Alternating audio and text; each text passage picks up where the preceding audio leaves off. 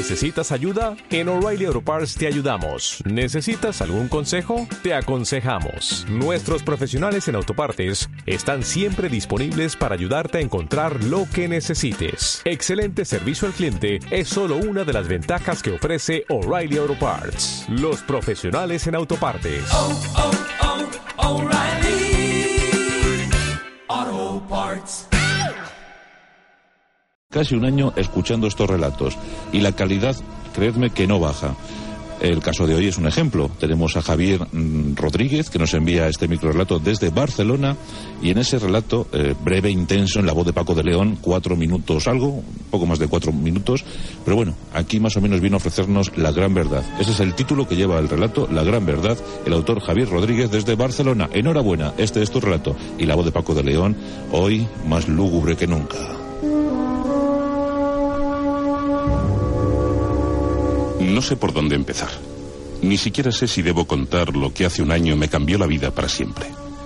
Pero lo ocurrido no puede quedar en el reducido círculo de mis amistades, y mucho menos de los llamados expertos. Todo comenzó una tarde de sábado de un gélido invierno, cuando ojeaba unos libros de mi biblioteca. No es por alardear, pero poseo una de las bibliotecas más importantes del país. Y todo gracias a mi abuelo. Él me dejó en herencia la suya y yo la fui ampliando hasta convertirla en lo que es hoy.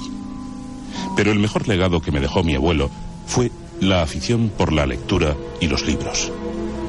Pensando en esto último, se me ocurrió aquella tarde de sábado rememorar el juego que mi abuelo se inventó para familiarizarme con los libros y habituarme a la lectura. Lo voy a explicar. Cuando yo tenía apenas ocho años, mi abuelo me contó que los miles de volúmenes que descansaban en las estanterías de roble de su biblioteca estaban todos conectados entre sí. Es más, me contó que todos los libros del mundo se podían leer como uno solo y que contenían mensajes secretos que ni los propios escritores conocían, ya que esos misteriosos mensajes procedían del subconsciente y de lo que mi abuelo llamaba la memoria genética. Solo a la persona que pudiera leer todos los libros del mundo y en el orden correcto, se le revelaría la gran verdad. Y eso era una tarea imposible. A mi corta edad, no entendía los conceptos de los que me hablaba mi abuelo, pero la imaginación infantil se disparaba con la idea de los enigmas por resolver. El juego consistía en coger un libro y abrirlo al azar por una página, leer un párrafo, una frase o una página entera y dejar que el texto nos llevase a otro libro y luego a otro. Pondré un ejemplo para que se entienda mejor. Dos hombres juntos están siempre a punto de enzarzarse en una pelea y ellos lo saben. Adam Trax no lleva mucho tiempo en casa, cuando empezó a surgir cierta tirantez entre su hermano y él. Al este del Edén, J. Steinbeck.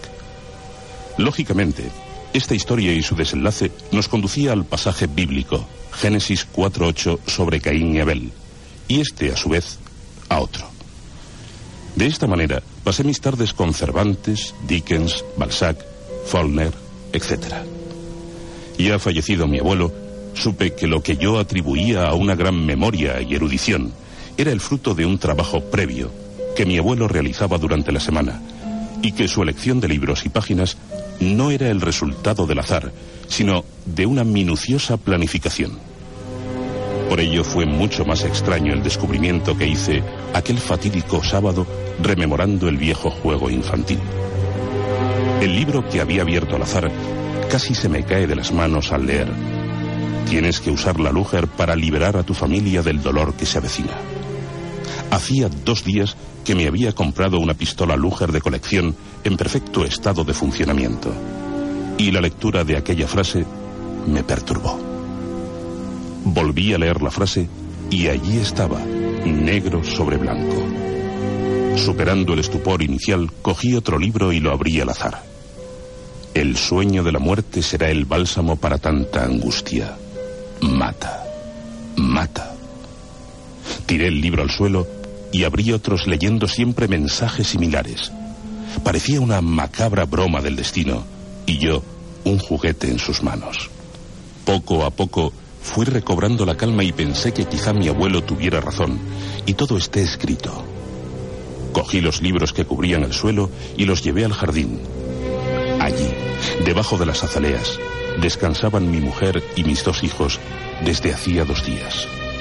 Ahora les podía demostrar que lo que hice fue por su bien y que los libros así lo demostraban con su gran verdad.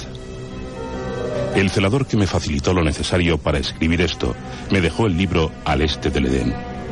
Gracias a ello, supe que mi misión aún no había terminado. En sus páginas pude leer, mata al celador, mata al celador, mata. Tremendo relato, ¿verdad? Javier Rodríguez desde Barcelona, enhorabuena, enhorabuena y en la voz de Paco de León, fíjate qué dimensión ha cobrado tu, tu historia, que no es otra sino la gran verdad, la gran verdad literaria.